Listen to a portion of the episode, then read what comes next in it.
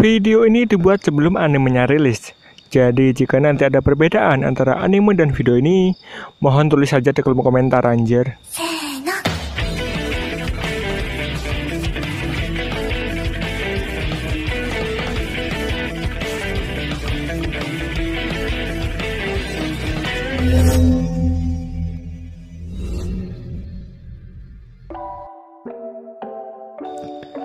Halo Mina, selamat datang di channel Linda Anima, channel yang membahas anime dan manga kalau ada mau dibahas saja. Di video kali ini aku akan membahas alur cerita dari anime Kimetsu no Yaiba season kedua. Sebelum kalian lanjut nonton video ini, pastikan kalian sudah menonton season 1 dan movie-nya terlebih dahulu. Atau kalian bisa nonton video gua yang ini dan yang ini. Cerita kali ini akan menceritakan tentang kejadian setelah kematian pilar api yaitu Rengoku Gyojuro Bagaimanakah kelanjutan ceritanya? Tanpa banyak spoiler lagi, langsung saja matikan data, hidupkan hotspot keluarga dan sambungkan ke wifi Anda. Inilah alur cerita dari anime Kimetsu no Yaiba season kedua.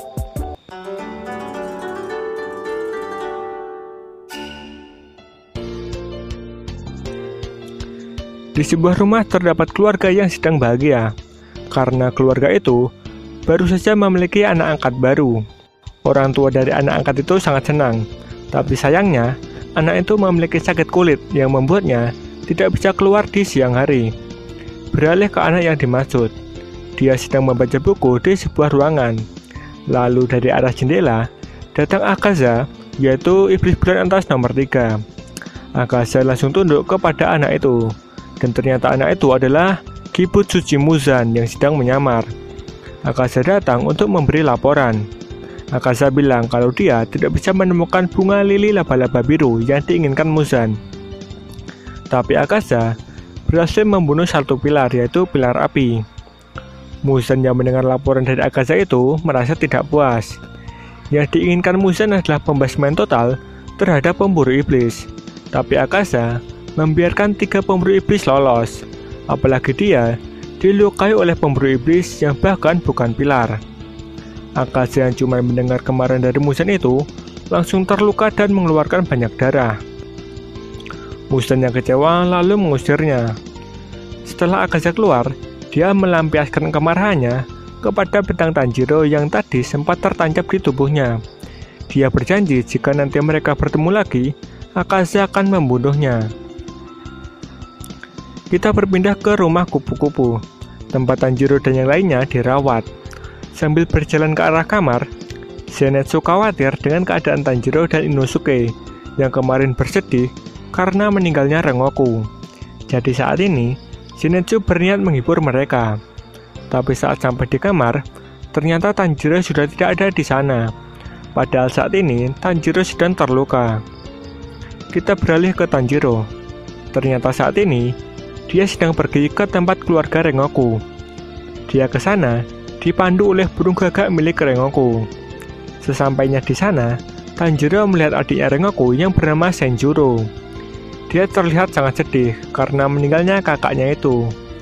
Lalu Tanjiro menghampirinya dan mengatakan ada pesan dari Rengoku yang harus disampaikan kepada Senjuro dan ayahnya. Tapi tiba-tiba, ayahnya Rengoku datang dan sambil marah-marah, dia mengatakan kalau anaknya itu bodoh. Karena anaknya nekat menjadi seorang ahli pedang tanpa memiliki bakat yang mumpuni. Ayahnya Rengoku juga langsung mengusir Tanjiro. Tapi setelah dia melihat anting milik Tanjiro, dia malah bertambah marah. Karena anting itu adalah tanda dari seseorang yang mempunyai teknik pernapasan matahari yang merupakan teknik pernapasan induk. Ayahnya Rengoku menganggap kalau Tanjiro cuma mau mengajak mereka yang cuma memiliki teknik pernapasan cabangan. Tanjiro yang tidak tahu apa-apa, cuman bisa bingung. Pasalnya asal-usul keluarganya hanyalah pembakar batu bara. Dan Tanjiro juga berpikir, kenapa kalau teknik yang dimilikinya itu memang tekniknya hebat, kenapa waktu itu dia tidak bisa menyelamatkan Rengoku? Tanjiro yang tidak terima jika Rengoku direndahkan oleh ayahnya sendiri, lalu berniat mengejar ayahnya Rengoku itu. Tapi karena ayahnya Rengoku merupakan mantan pilar, dia malah berbalik mengajar Tanjiro.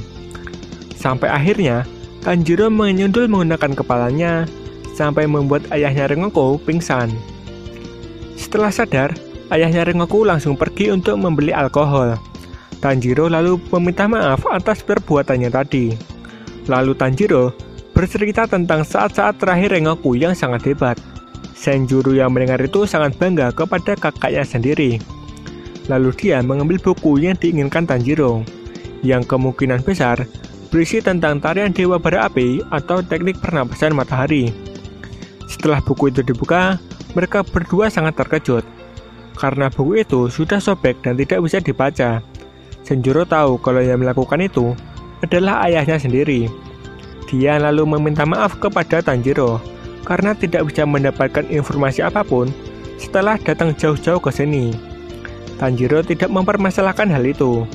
Tanjiro yakin kalau dia cuma harus berlatih lebih giat agar bisa lebih kuat dan bisa menjadi pilar seperti Rengoku. Setelah itu Senjuro juga bercerita. Sebenarnya dia akan menjadi penerus kakaknya, tapi pedang menicirin miliknya tidak pernah berubah warna. Hal itulah yang membuat dirinya berhenti menjadi ahli pedang. Tanjiro lalu menyampaikan pesan Rengoku kepada Senjuro. Pesannya adalah agar Senjuro memilih jalan yang dianggapnya benar. Sebelum Tanjiro pulang, Senjuro memberikan subah milik kakaknya. Setelah itu Tanjiro berpamitan dan pulang. Senjuro lalu menemui ayahnya untuk menyampaikan pesan terakhir kakaknya. Awalnya, ayahnya menyuruhnya pergi, tapi Senjuro tetap menyampaikan pesan dari kakaknya itu. Pesannya adalah agar ayahnya selalu menjaga kesehatan. Setelah itu Senjuro pergi. Ayahnya tidak jadi meminum alkohol dan tiba-tiba dia menentaskan air mata mendengar pesan terakhir dari anaknya itu. Di perjalanan pulang, Tanjiro bertemu dengan Haganesuka, yaitu sang penempa pedangnya. Dia marah karena lagi-lagi Tanjiro menghilangkan pedangnya. Haganesuka langsung mengejar Tanjiro. Tanjiro yang dikejar berlarian sambil meminta maaf, sampai-sampai dia harus naik ke atas pohon. Cerita di episode ini pun berakhir. Pesan yang dapat kita ambil dari anime ini adalah Jangan pernah melawan atasan. Walaupun kamu bertindak benar, kamu tetap akan disalahkan jika melawan atasan. Dan jangan sembarangan melawan orang tua. Diajar balik bari rasa lo anjir. Intinya, jika kau dikejar orang, larilah ke atas pohon. Titik. Ada banyak momen-momen penting yang aku lewati. Jadi kalau kalian mau lebih paham, silahkan nonton sendiri animenya.